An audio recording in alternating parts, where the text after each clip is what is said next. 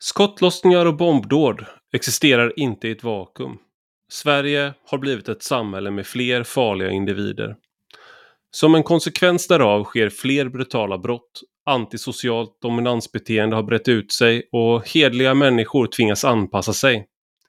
Det tycks också finnas ett egendomligt ointresse att diskutera utvecklingen och att acceptera en normalisering av det nya tillståndet. Det beror sannolikt inte bara på bristande information eller otillräcklig analytisk förmåga utan även på politiska och ideologiska motiv. Invandring och mångkultur har under lång tid varit betydelsefulla politiska mål för många. Att erkänna att brottsligheten är kopplad till invandringen innebär även att erkänna en analytisk oförmåga och politiska felbedömningar och kan rent av kräva en uppgörelse med den egna verklighetsuppfattningen. Det jag just läste upp nu är ett citat från boken Gangstervåld som kom ut förra året. Och idag ska jag prata med författaren till den boken, Fredrik Kärrholm. Och förutom att skriva böcker har han arbetat som polis i 12 år. Både på fältet men också mot den organiserade brottsligheten på nationell nivå. Han har även en masterexamen i kriminologi från Cambridge University. Sedan ett kort tillbaka är han dock analyschef på Säkerhetsbranschen som är en branschorganisation för 505 säkerhetsföretag. Du lyssnar på Rak Höger med mig, Ivar Arpi.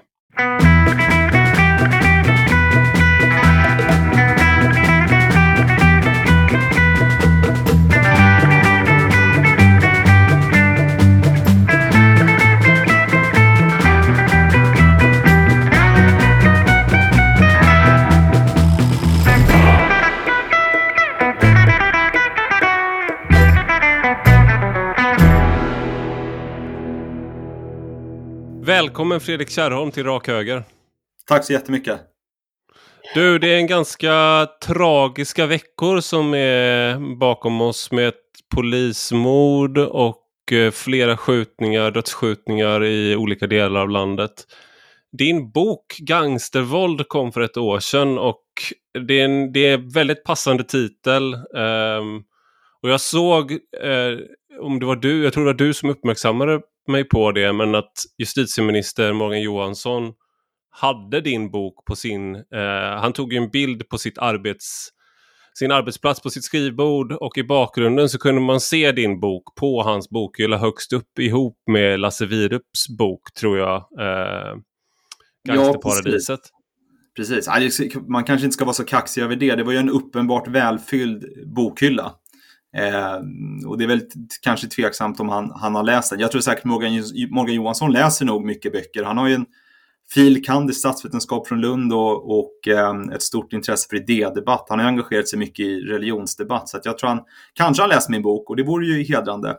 Åtminstone har han kanske mm. bläddrat lite i den. Men, men när den kom så fick den ju ganska mycket uppmärksamhet. Men, men i grund och botten handlar ju det om att det här ämnet är så hett och det är ju, och det är ju jäkligt trist. Det var ju i samband med att min bok släpptes så, så var ju den här 12-åriga flickan som, som omkom i en, en skottlossning. Så att det, det här är ju eh, det, det, är svårt att glädjas så mycket över den uppmärksamheten man får av att ha skrivit en sån här bok och egentligen så är det ju tråkigt överhuvudtaget att, att man behöver skriva den. Man, vi brukade säga det på Svenska Dagbladets ledarsida, eller jag ska inte skylla på mina kollegor, men när jag jobbade där, att det som är dåligt för Sverige är bra för oss. Alltså att man, eh, det är väldigt lätt att komma på saker och skriva när det går åt helvete på olika områden.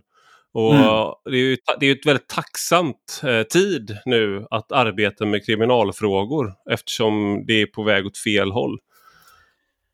Ja, precis. Och det, och det, handlar ju inte bara om de här skottlossningarna, utan de här skottlossningarna, det är ju bara den yttersta formen av ett eh, mycket större problem med gangstervåld. Ehm, och mm. sen handlar det heller inte bara om gangsters, utan Brottsförebyggande rådets nationella trygghetsundersökning har ju visat här de, de senaste eh, åren att vi har fått en ökning av rån och, och eh, våldsbrott och trakasserier Ehm, så att, så att det finns ju ett, ett större samhällsproblem som inte bara handlar om den här grova organiserade brottsligheten. Och det tycker jag lite tappas bort i debatten ibland. Man fokuserar väldigt mycket på, på de här skottlossningarna. Och det kan till och med vara så att, att skottlossningarna kan faktiskt minska fast problemen i övrigt fortsätter att, eh, att öka. Så det är, inte, det är inte nödvändigtvis så att det finns en, en, en strikt korrelation. Jag tänker lite på, eh, det finns en zombiefilm som heter Land of the Dead. Eh, och i ett sätt då, då handlar det är liksom en stad som är fredad från zombies och zombiesarna går runt i sina områden. Och sen för att länsa då de här bostadsområdena som zombierna, de är kvar i sina bostadsområden, så skjuter de upp fyrverkerier i luften och då ställer sig alla zombies och tittar på fyrverkerierna och då kan man liksom plundra deras, där de bor då, på resurser utan att liksom bli attackerade av zombies jag ska inte säga att det är exakt likadant, men det, det blir ju väldigt mycket så att man springer på det som låter och det som, liksom när det är blod, if it bleeds it leads ungefär. Det är medielogiken mm. som du är inne på och då är det så här, ja men eh, i på Sicilien i, i, eh, i, i Italien, där skjuts det inte lika många människor. Men jag tror att de flesta förstår att den organiserade brottsligheten där har en större samhällspåverkan än vad den har i Sverige.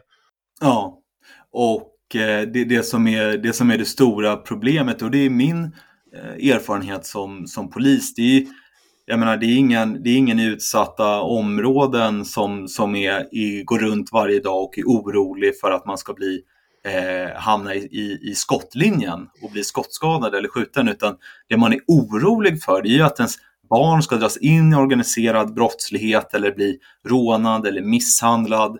Och eh, det finns hela tiden då personer med stort våldskapital som, som rör sig i ens närmiljö som, som man inte vågar tillrättavisa och som sprider otrygghet eh, på det sättet som, som, som nu har börjat spilla över också till andra delar av samhällen. Nu senaste veckorna här har ju Strandvägen i Stockholm varit eh, debatterad där, där just den här typen av problem har uppstått som, som länge har förekommit i, i förorter och i, i, på torg och gator i, i mindre städer på ett mycket tydligare sätt. Jag tänkte vi kan ta eh, Strandvägen det... som ett exempel där för att det där var ju en, eh, en sån där fråga som gör att folk ser väldigt olika. Man ser samma sak men man tolkar det väldigt olika. Och eh, då är det den här klassiska, jag såg att det var några vänsterpartister som pratade om att motorburen ungdom har alltid varit ett hot. Och då så skrev Ulla Andersson, eh, eh Vänsterpartiets ekonomisk politiska talesperson, att ja, raggarrundan i Båstad eh, gick vill till den också. Så då är liksom min fråga här egentligen är, har det all, så som det vi ser sker nu, varav Strandvägen är väl ett liksom ett exempel på. Eh, har det alltid varit så här? Eller är det någonting som är nytt? Nej men det, det där är ju, vad heter det, det, det är fel av två skäl att göra den här typen av, av jämförelser med att eh, eh ja, ja, men, men det har ju tidigare har det funnits raggare. Nej, men för det första, två fel gör inte ett rätt.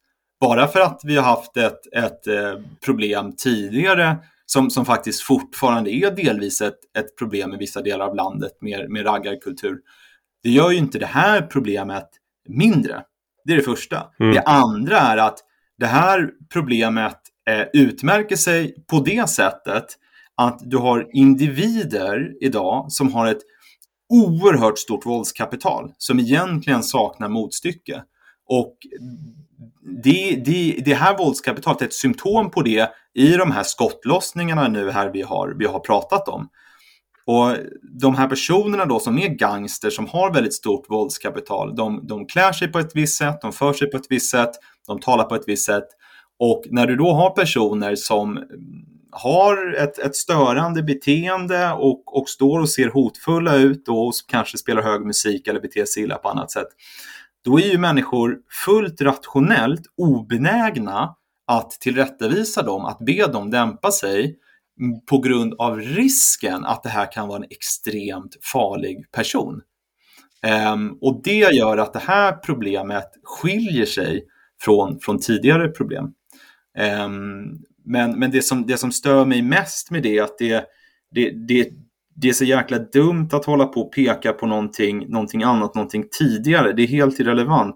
Det, och det, det finns ju vissa som har försökt göra det med organiserad brottslighet eh, också. Eh, men, de, men där ska vi också faktiskt säga att även när det kommer till organiserad brottslighet så det har ju funnit, kom, förekommit tidigare i Sverige, om vi, om vi backar bandet lång tid tillbaka så har vi ju oerhört brutala stråtrövare, men, men det, det är ju inte så att säga i modern tid. Och tittar vi under, under 1900-talet så, så har vi aldrig haft ett sånt här, eh, sån här brutal brottslighet. Eh, du läste upp ett stycke från min bok här inledningsvis och, och, och, i samma bok så citerar jag hovrättslagmannen Sven Larsson som skrev 1941 då om problemet med ligor och det som då kallades samrådsbrottslighet, det som man idag kallar organiserad brottslighet.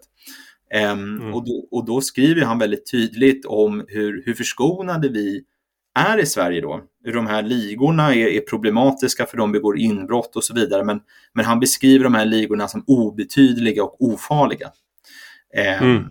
Så, så, att, så att uh, jag, jag, Där är vi inte idag riktigt. Där är vi definitivt inte idag.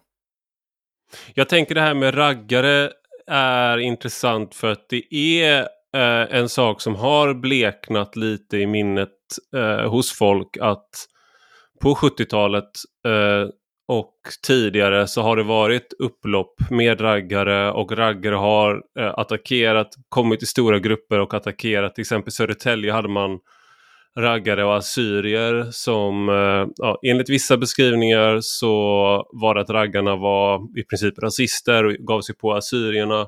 Och i andra beskrivningar så har det varit gäng mot gäng till exempel. Och det raggare under 1977 78 så, så skedde det raggarupplopp på många ställen eh, runt om och sen då eh, det, det, har funnits en eh, en våldsammare kultur som har haft andra etniska förtecken. Men då löst, alltså slutsatsen av det borde väl vara att Eh, det är ett problem nu också.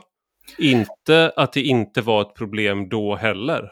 Nej, precis. Och det, och det är vi också där. Vi har ju haft nu senaste tiden ett, ett, eh, en ökning av rån då, framförallt ungdomsrån.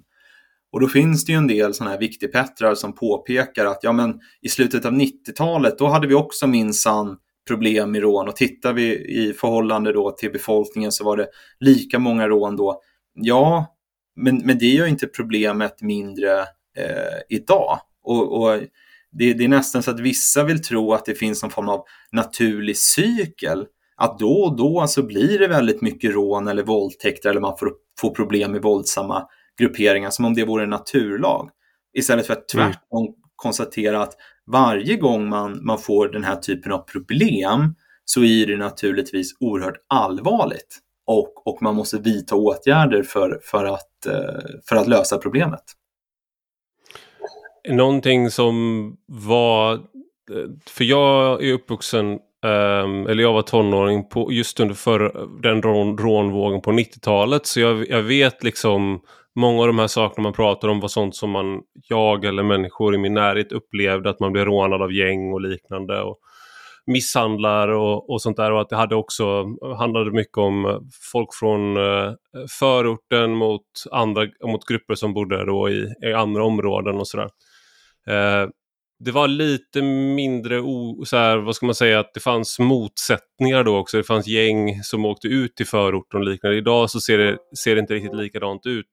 Men en sak som, som eh, jag tror är en skillnad det är väl att det har, att det har spritt sig till många andra delar av landet också. Och att det finns en tyngre kriminalitet i bakgrunden.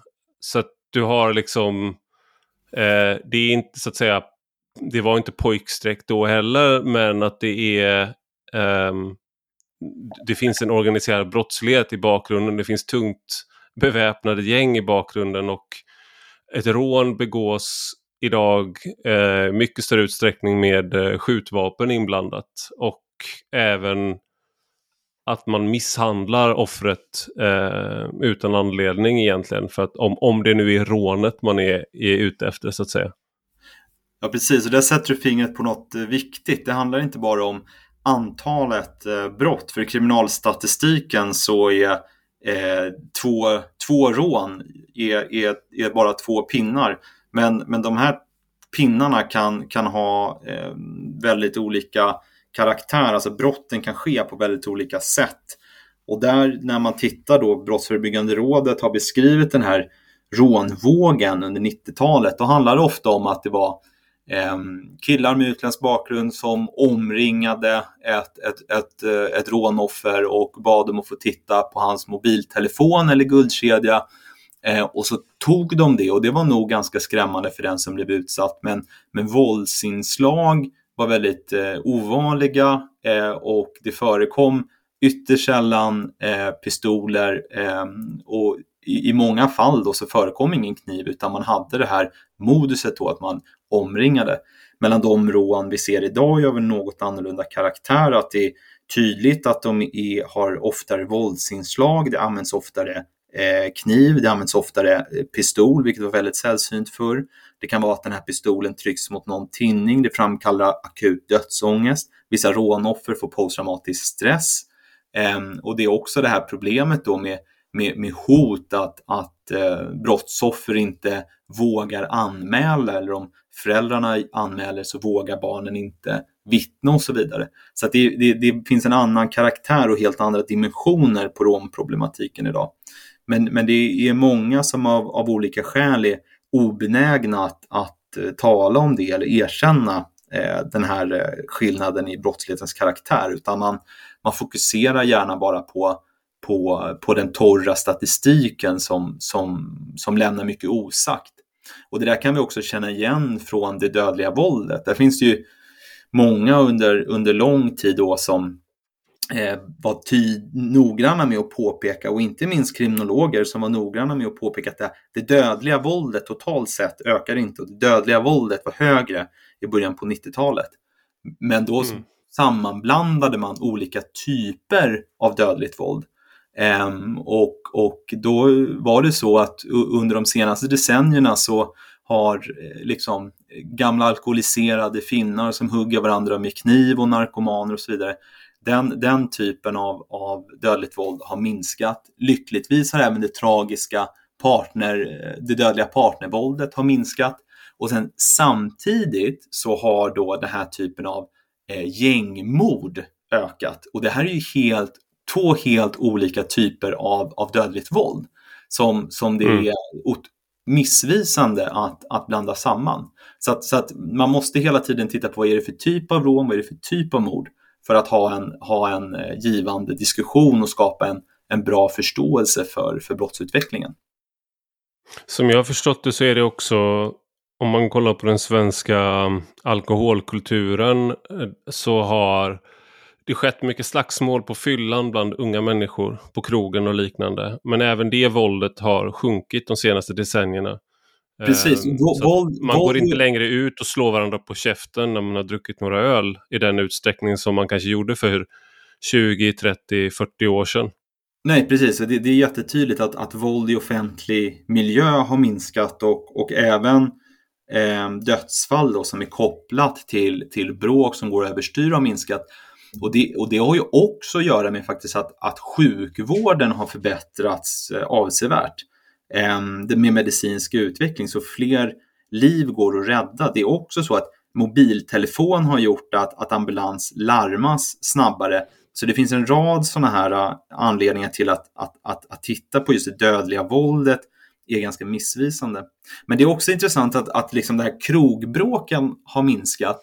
Det här är ju mer en spekulation från min sida, men men, men det är inte otänkbart heller att tänka på att om, om det är så att vi har fler personer i samhället som har ett oerhört stort eh, våldskapital och faktiskt är beredda att döda andra människor, då kanske man inte är så benägen att knuffa till någon i, i krokön. Eh, mm. För att risken med det är, är, är betydande jämfört med ett samhälle där du vet att du kan knuffa till någon och så kanske det blir lite gruff och du kan imponera på den här tjejen du är med eller försöka imponera på henne så blir det inte så mycket mer med det.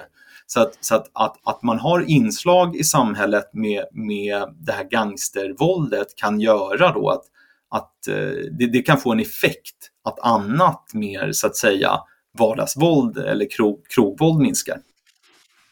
Just det. Men vad, vad är så att säga för någonting som du är inne på som eh, framkommer allt mer är, eh, är ju att vi har en särskild, eh, vill vi kalla det gangsterkultur, eh, ortenkultur eh, tror jag är liksom lite missvisande. Jag tror gangsterkultur är delvis är, är, är en bättre benämning på det.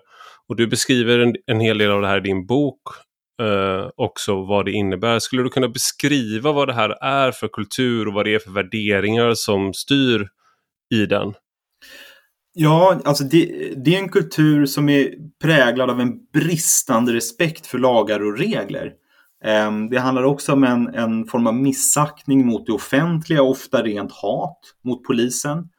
Ehm, det präglas av en lättkränkthet, man är konfliktsökande, man är hämndlysten. Och allt det här står, står i rak motsats till majoritetssamhällets mer traditionella värderingar som, som istället då handlar om laglydnad, eh, tolerans, samförstånd, rationalitet, vänlighet. Eh, och, och, och den här kulturen, eh, den, den är oerhört eh, destruktiv och, och den leder både till den här typen av eh, gängbildningar och mer grövre kriminalitet, men, men den leder också till det här antisociala dominansbeteendet. Eh, och vad är det för någonting? Ja, antisocialt dominansbeteende är inte riktigt ett, ett etablerat begrepp, men, men vi saknar vi saknar en terminologi som, som kan beskriva det här fenomenet med, med att man helt enkelt medvetet beter sig illa. Ehm, det finns ett universellt problem med ungdomligt oförstånd. Ehm, men det här handlar mer om att man, man är mycket medveten om att man, att, att man så att säga eh, är högljudd, eh, stör andra, att man uppfattas som hotfull. Ehm, och det är i syfte att dominera omgivningen. Det här kan yttra sig i form av brott såsom rena ofredanden och olaga hot. Men, men ofta är det snarare då på gränsen mellan det olagliga och, och det olämpliga. Och he, helt enkelt att man medvetet överskrider normer och regler och också att man inte hörsammar auktoriteter. Och, och det här hänger ihop med den här gangsterkulturen och det hänger ihop med det här gangstervåldet. Eh, vi, vi, har, jag skulle säga att vi har ett problem idag med, med hänsynslöshet, ett, ett kulturellt problem. För det här är ju någonting då, det, finns det finns ju någonting som har att göra med hiphop här också som musik. Och jag vet att jag låt, låter som Sivert Öholm nu. Eh, eh, vila i frid, men när han kritiserade hårdrocken. Men att i svensk gangsterrap nu för tiden så kan det, det är liksom en, har blivit, det är så tätt förknippat med den kriminaliteten som finns att polisen använder rapplåtar i utredningar och liknande för att för, leda i bevis eh, vad folk, liksom, hur folks relationer ser ut och liknande. För att det, mord, mord och olika eh, kriminella handlingar dyker upp i texter som sen har, faktiskt har skett. Eh, och många av liksom de, flera av de populäraste rapartisterna har täta kopplingar till kriminella grupperingar. Och det här är någonting nytt jämfört med till exempel Latin Kings om man ska ta någonting från, från 90-talet. Eh, att den gangsterrap vi har idag som är också väldigt populär är ofta väldigt intimt förknippad med faktisk kriminalitet. Ja, ja, det, är inte, och, och, det är inte bara fiktion för dem, utan de är också delaktiga en del av dem. Vapnet som användes, automatvapnet som användes när den här 12-åriga flickan blev ihjälskjuten vid, vid bensinstationen i fjol. Det, samma vapen har, har då använts i en musikvideo för en sån här gangsterrappare. Så att det, är, det, är det här är inte fiktion. De här gangsterrapparna är ju kriminella. Um, mm. och, och, och, det är i sig ett skäl till att man inte borde ge dem någon uppmärksamhet. De förtjänar varken ära eller, eller berömmelse i min uppfattning. Men sen, jag är lite trött det här, på... Det här är ju, det var, det, jag tror det var Diamant Salihu när jag pratade med honom. Han, han tyckte att det här med, med rap, när han gick in, han, han har skrivit en bok som kom ut nyligen också. Eh, och ha, när han gick in i det så, tänk, så var liksom rap, hans hypotes var att det inte var så viktigt som en del påstod. Men ju mer han började lyssna på det och ju mer han började gräva ju mer insåg han hur, liksom, hur viktig del av det hela det var. Hur viktig del av hela den här, om vi vill kalla det då, gangsterkulturen som musiken utgjorde. Och det, det är ju intressant för det följer ju en amerikansk eh, förlag eller kanske ännu mer i Mexiko där man har eh, de olika kriminella ligorna har liksom egna musiker och liknande. Mm. Och sen, sen är ju också liksom det, eh, många av de här killarna liksom, de har ju ett ordförråd på 500 ord. Alltså de, de har ingen större musikalisk talang utan de, de, får ju hjälp med att producera den här musiken. Eh, och de, och de, de personer som, som eh, engagerar sig i det, det jag, tycker att det, jag tycker att det är för jäkligt rent ut sagt. Eh, sen, sen, men sen, jag är lite trött på hela, hela debatten för jag tror att alla, alla förstår problemet att det här är extremt dåliga förebilder och de här personerna är, är kriminella svin som skadar andra. Ehm, men, men sen så finns det många som inte vill förstå av olika eh, politiska eller ideologiska skäl. Så att jag, tror, jag tror hela den här debatten om gangsterrap har nått någon form av återvändsgränd. Det har blivit ett helt låst eh, skyttegravskrig. Jag tror också att eh, en del verkar ha blivit, fått lite ny syn på det. Jag vet att Viktor Malm på Expressen efter att han hade läst Diamant Salihos bok kände att ja, han, han försvarade liksom eh, konstens rätt att vara provokativ och, och, liksom, och allt det där utforska saker. Men han kände att han var väldigt mycket mindre pigg på att försvara till exempel då Yassin en av de rapparna som är tätt knuten till eh, dödspat, nej, Shottaz eh, tror jag det är. Jag har inte helt koll på alla grupperingarna. Eh, men det här med gangsterkulturen tycker jag är intressant rent generellt för att det är ju någonting då som jag menar, det finns ju hela vår eh, kultur. Det är inte bara i de här områdena. Jag minns liksom att det, det här är någonting som har kommit kanske från 90-talet eller sent 80-tal Eh, och sen fortsatt egentligen. Att man har liksom en eh, anti... Liksom vissa attityder, hur man ser på polisen, hur man ser på respekt, hur man ser på våld. Eh, mm.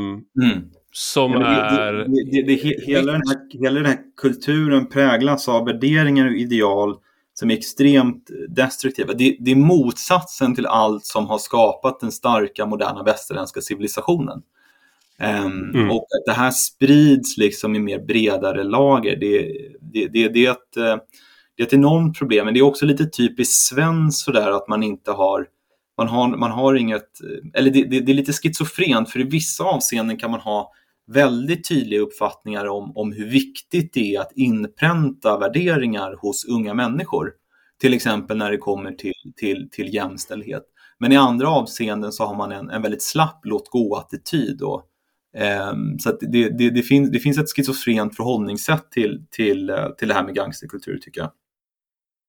När det var, gäller vit maktmusik och skinheadskultur och liknande då var man ju extremt eh, liksom proaktiv och eh, förbjöd och man lät ju liksom inte, det var inte så här att eh, Ultima Thule skulle ha vunnit P3 Guld idag. Alltså det, det är inte sådär där, eh, när man, det känns som, där, där, fanns det såklart andra saker i det där och andra förtecken och så, men det, eh, det är svårt att helt eh, liksom komma bort från tanken att man någonstans gör en maktanalys och där då eftersom det här handlar om då utsatta områden och människor med utländsk bakgrund, bakgrund eh, så är de på något sätt offer för samhället. Och det där är ju också någonting som återkommer i den här kulturen. Det, det, det där är en anledning till hävdelsebehovet. Det där är en mm. anledning till att man kräver en viss typ av rädsla eller respekt för omgivningen för att det är liksom ett, så att säga, man tar hämnd för mm. att man då anser sig vara förtryckt ja. och liknande. Ja, och det där är, det där, jag tycker synd om många individer som, som växer upp och tr de, de tror, de lever i en föreställningsvärld att de är förtryckta, de får ingenting, ingen vill dem väl, det är rasism eh, och så vidare. När de i själva verket går i en, en skola som får mer pengar och resurser jämfört med skolor i andra områden. Eh, deras fotbollsplan har konstgräs medan fina villaområdet intill, där har man inte, kommunen inte lagt pengar på att installera konstgräs. Universitetsutbildning är avgiftsfritt. Eh, det, man, har, man har så många möjligheter och alla studier visar på att eh, rasism och diskriminering i Sverige är lägre än i många, eh, i de flesta andra länder. Så, så, så, mm. men, men, men de här felaktiga verklighetsuppfattningarna tror jag tyvärr leder till att många, många ger upp. Um, och, och jag är också väldigt skeptisk till i vilken mån skolan är väldigt tydliga med hur samhället fungerar och vilka villkor de här ungdomarna har. Jag, jag kommer mm. ihåg en gång jag träffade några killar som, som hade gått ut gymnasiet och det var när jag jobbade som patrullerande polis och sa de så ah, vi, vi, vi får inga jobb. Och då frågade jag så här, hur många jobb har ni sökt? Då hade de inte sökt några jobb. Och då, då förklarade mm. jag, nej men ingen får något jobb. Du måste skaffa dig ett jobb. Och mm jag vet inte, jag fick, jag fick intrycket av att det var ingen liksom som hade läxat upp dem och varit så tydliga med att eh, ni, ni, kan inte bara stå här och förvänta er att få någonting, ni måste arbeta hårt för det.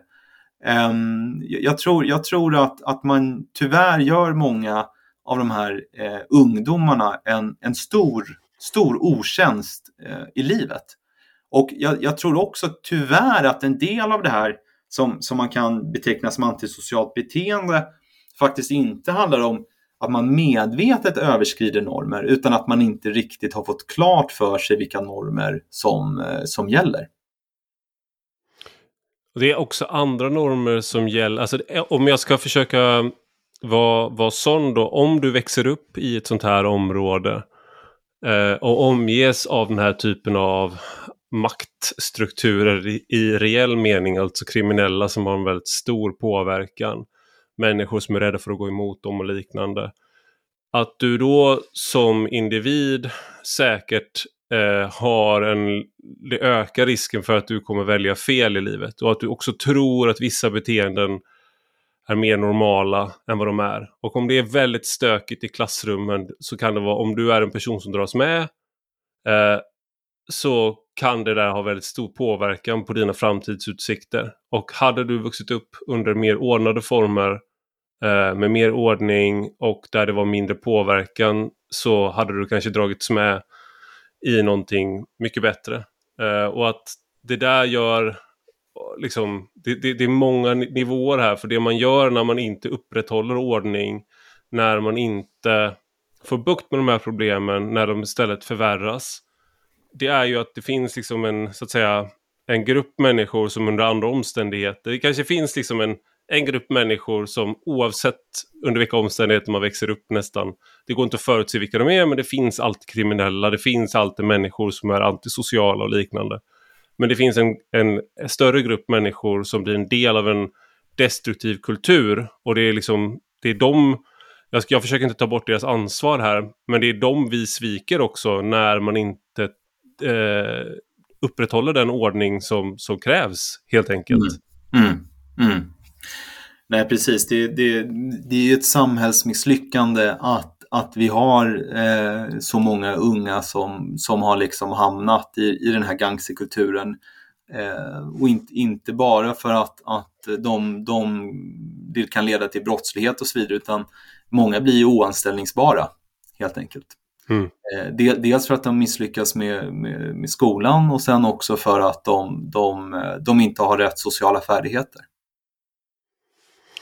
Jag tänker varför är det här så svårt att komma, komma åt? Jag tänker alltså dela upp den frågan lite för att en sak som vi var inne på i början var att även att de här skjutningarna, att det tar väldigt mycket uppmärksamhet och nu då Eh, någonting som har skett är ju att man har knäckt Encrochat och sen så har man haft eh, två andra liknande stora liksom, eh, operationer där man har fått tag på krypterad kommunikation mellan kriminella i Sverige.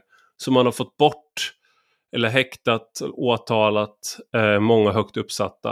Eh, men det finns väl en, en viss eh, misstanke här om att det inte kommer leda till att kriminaliteten försvinner för att det står liksom människor på tur bakom. Så det, jag tänker, vi måste komma åt själva, inte bara behandla symptomen utan komma djupare, det har vi varit inne på.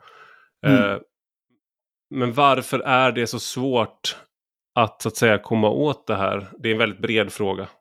men det är svårt att få folk att vittna, det är svårt att få folk att hoppa av och det finns väldigt många som står redo att ta över. Det är ofta många av dem, det är väldigt liten skillnad men snittåldern som du tar upp i din bok på, dem, på brotts, den som blir ihjälskjuten är 25 år och gärningsmannen är 23 år. Och det, är inget, det finns ingen kanske signifikans där.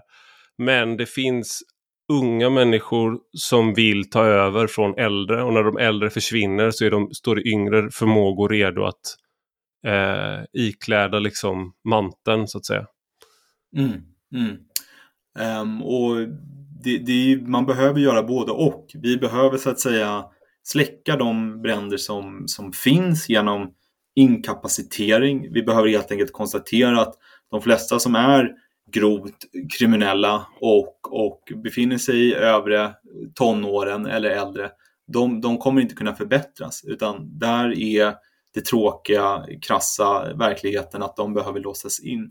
Men sen kan man inte ha ett system bara där, där, där, brott, där de här kriminella gängen fylls på och det kommer nya personer som begår brott som låses in, utan man måste också jobba förebyggande och, och se till att, att eh, eh, personer, människor inte begår brott. Och här tror jag att, att det, det, är, det, finns inget, det, finns inte, det finns inte ett enkelt svar på det här utan det här är oerhört komplicerat. Men vi kan börja med att konstatera att vi har dysfunktionella områden i Sverige. Det som brukar kallas utsatta områden eller socialt utsatta områden. Ehm, mm. Och de, de, är präglade av en social desorganisering, ehm, det är illa fungerande skolor, det är hög arbetslöshet och så vidare. Det finns en, en, en, en, massa ra, en rad problematiska faktorer kopplat till det här. Och, och allt det här måste ju eh, lösas. Um, och, och, och det, det, det, det, är jättesvårt, men, men man gör också mycket. Och jag tror nu att när en restriktivare migrationspolitik är oerhört betydelsefullt så att, man minns, så att den här sociala desorganiseringen kan minska och man kan skapa en större stabilitet. Eh, man gör väldigt mycket satsningar rent socialt. Jag tror det som vi gör för lite av i Sverige, det är att vi har för liten, eh, för liten ordning och för, för att, att, att det är för otydliga konsekvenser mot unga personer. Alltså jag tror man måste börja i väldigt tidig ålder. Det som det heter eh, på, på, med det gamla svenska ord, talesättet, det börjar med en knappnål och slutar med en silverskål. Eh, alltså mm. man måste ha nolltolerans mot normavvikelser i väldigt tidiga år och ha både skolor och ett samhälle i övrigt som präglas av mycket ordning och reda. Eh, och, och, en sån här nolltolerans, det är också i linje med Broken Window Theory. Den är väldigt ifrågasatt av svenska kriminologer, men den är jag en stark anhängare av. För, kan du förklara vad den går ut på? Eh, det handlar helt enkelt om att genom att, att, eh, genom att skapa en, en nolltolerans mot, mot, eh, min, mot normavvikelser, små ordningsstörningar. Eh, vi kan ta ett konkret exempel. Om du då har ett ett, ett torg eh, där det hänger liksom eh, kriminella med sina bilar och röker på, det är öppen drogförsäljning. Så, så man ska inte bara nöja sig med att, så att säga, de inte ska vara där, utan det ska vara total laglydnad, det vill säga du ska inte ens få cykla eh, på torget, för det får du inte göra, du ska leda cykeln. Idag i våra utsatta områden så finns det istället, eftersom polisen har så mycket grova brott att hantera, så finns en relativt stor tolerans då mot, mot, mot eh, mindre eh, allvarliga lagöverträdelser. Eh, men enligt Broken Window Theory är det oerhört viktigt att ha en genomgående nolltolerans. Um, och det är helt enkelt i, linje med det här gamla tankesättet att det börjar med en knapp noll och slutar med en silverskål. Det vill säga, finns det inget utrymme att, att på, på, på det minsta lilla utmana vuxenvärlden eller, eller begå något bus eller begå något litet brott, eh, då kommer det inte leda för individen fram till en situation där man plockar upp en kalasjnikov och skjuter någon i huvudet. För att mm. det, det, är liksom en, en, en trappa och tar man bort de första stegen så börjar inte den här eh, vandringen i den här eh, brotts och våldstrappan. Det, det är själva idén. Om man ska mm. prata, jag, jag, minns själv väldigt mycket hur man höll på att testa gränser. Jag menar, jag var inte någon eh, värsting så, men man höll på att testa särskilt lärarvikarier. Det var väldigt dålig ordning i skolan eh, där jag gick också, även om det var liksom ett eh, medelklassområde på det stora hela. Eh, och man höll på att testa, man testar gränser. Alltså det, det är ju en, så, alltid en del av um, Eh, så att säga, när un, hur unga beter sig. Någonting som jag då, jag, jag förespråkar inte det här, men jag hade en kompis, en av mina bästa vänner, hans pappa gav mig en hurring vid något tillfälle. jag kommer ihåg att jag tyckte bara bättre om honom efter det. Och jag fattar att inte, man ska inte upp, uppmana människor att göra så, men det var samma sak på andra ställen också. Det fanns eh, liksom för vissa av oss så letade man efter auktoritet och jag menar inte att det är så det, liksom, det ska vara så i skolan men det var jag upplevde det själv och då tror jag ändå att jag då är ganska mycket lugnare än väldigt många och är väldigt mycket lugnare i skolan än många av de här andra skolorna men att man hela tiden letar sätt att utmana, testa Eh, och visa sig sp spela Allan Ballan. Nej, men man ska vara cool för sina kompisar mm. eh, och sådär. Och, och, och, barn tenderar ju att ta det där så långt som det tillåts av vuxenvärlden. Att vuxenvärlden ja. ger något form av utrymme för det, men frågan hur stort det utrymmet ska vara. Och, och, och jag tror varken du eller jag förespråkar någon form av våldsanvändning mot barn, men men, men, utan det handlar ju mer bara om var, var, var, går, var går gränsen någonstans? Och här är också samma sak, vad tolererar poliser? Det, det, det florerar ju mycket klipp, till exempel, på, på personer då som beter sig väldigt illa mot polisen. Mm. Som, är, som är kaxiga, som är lite hotfulla, som står 10 centimeter ifrån och, och, och liksom käftar med polisen. Eh, men du ser aldrig ett klipp på någon som står 10 centimeter ifrån polisen och käftar och sen utdelar lite örfilar också på polisen. Nej. För det är där som gränsen går. Skulle gränsen svensk... borde gå skulle... mycket tidigare hävdar du i din Precis. bok. Skulle svensk polis tillåta att de här kaxiga unga männen och killarna som käftar med polisen också stod och utdelade lite örfilar, då skulle de göra det. Så det mm. handlar om liksom att, att flytta, eh, flytta, flytta gränsen. Sen, sen en annan sak jag tror är väldigt viktigt i de här områdena, just för att det är sånt utanförskap som segregation, de här föreställningarna om rasism och diskriminering. Det handlar om att faktiskt poliserna man behöver poliser i de här områdena som har en tydlig eh, förankring. Ehm, och tittar vi i andra länder så, så, så, har man system, i England har man till exempel Community Support Police Officers.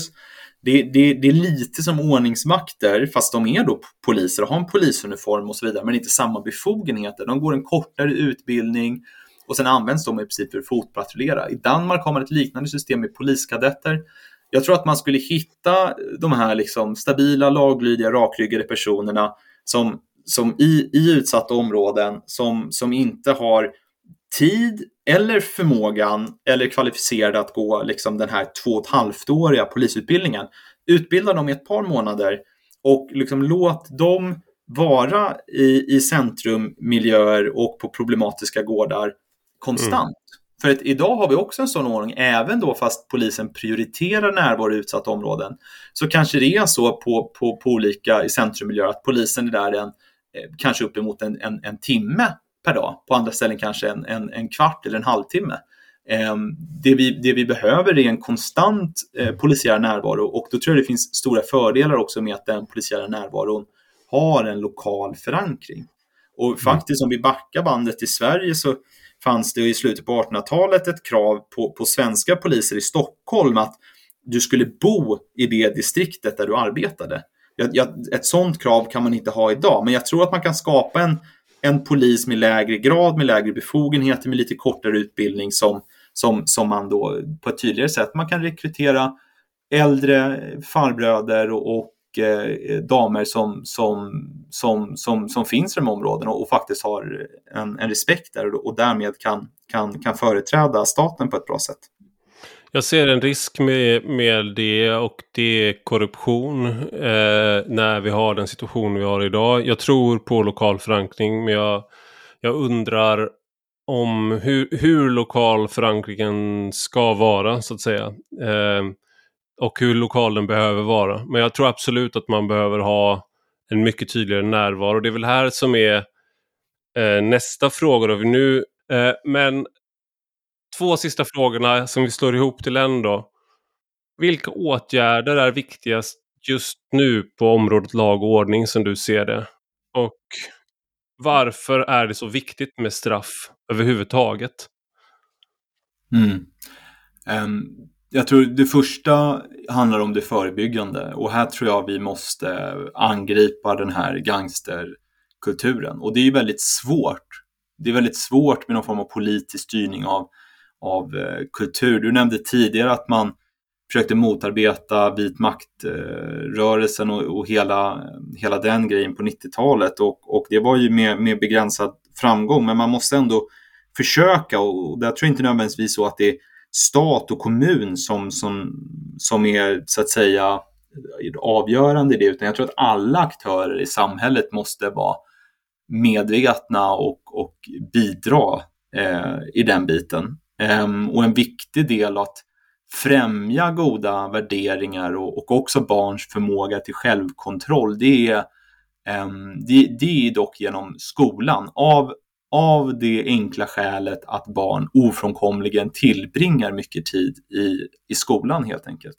Så det brottsförebyggande är en del och det andra är så att säga det brottsförhindrande. Um, och där behöver vi, vi behöver fler uh, poliser och vi behöver mer säkerhetsåtgärder. Um, och vi behöver också påföljder som är betydligt tuffare än idag. Ehm, vi vet att de, de flesta allvarliga brott begås av ett relativt litet antal individer. Jag tror det var 2014 som Brå gjorde en studie av alla då som lagfördes för brott och då visade den att det var 11 600 personer som identifierades som högaktiva lagöverträdare och de stod för mer än hälften av alla brott. Och det här, det här är också ett mönster som är internationellt, att du har ett, ett mindre antal personer som begår Eh, de flesta brotten och det, det fenomenet kallas the power few. Och om du låser in de personerna så kommer brottsligheten minska av det enkla skälet att den som sitter inlåst kan inte begå brott. Sen har vi en liten speciell situation då nu i utsatta områden med den här gängkriminaliteten. Att, att eh, eh, det är så attraktivt att, att vara liksom en gangster och, och Eh, det, det, det är så att säga en konkurrens. Det är så stor, stort intresse för det så det uppstår en konkurrenssituation. Så när gangsters blir inlåsta så är det andra yngre som träder fram och vill ta deras plats så att säga. Men där, där behövs det fortfarande, man kan inte liksom eh, utifrån det problemet dra slutsatsen att vi inte behöver straff, utan vi behöver, vi behöver ändå låsa in personer och låsa in fler. Och det handlar ju också om att när du gör det så plockar du också bort förebilder så att även de här, eh, den här inlåsningen blir ett sätt att så att säga bidra till att komma till rätta med det här kulturproblemet eftersom du blir, blir av med, med, med de här tuffa förebilderna. Stort tack Fredrik Kärrholm för att du var med i Rak Höger. Tack så jättemycket. Och stort tack till dig som har lyssnat. Eh, och det här är alltså Rak Höger med Ivar Arpi som du har lyssnat på och det är en del av en större publikation som finns på ivararpi.se eller ivararpi.substack.com. Och jag gör det här på heltid numera, så om du vill att jag ska fortsätta, om du tycker att det jag gör är bra, så får du gärna bli prenumerant. Och då får du två texter och en podcast i veckan. Och det kan du börja göra då på ivararpi.substack.com. Om du vill får du gärna gå in och skriva en recension på Apple Podcasts så jag vet vad du tycker. Tack och hej!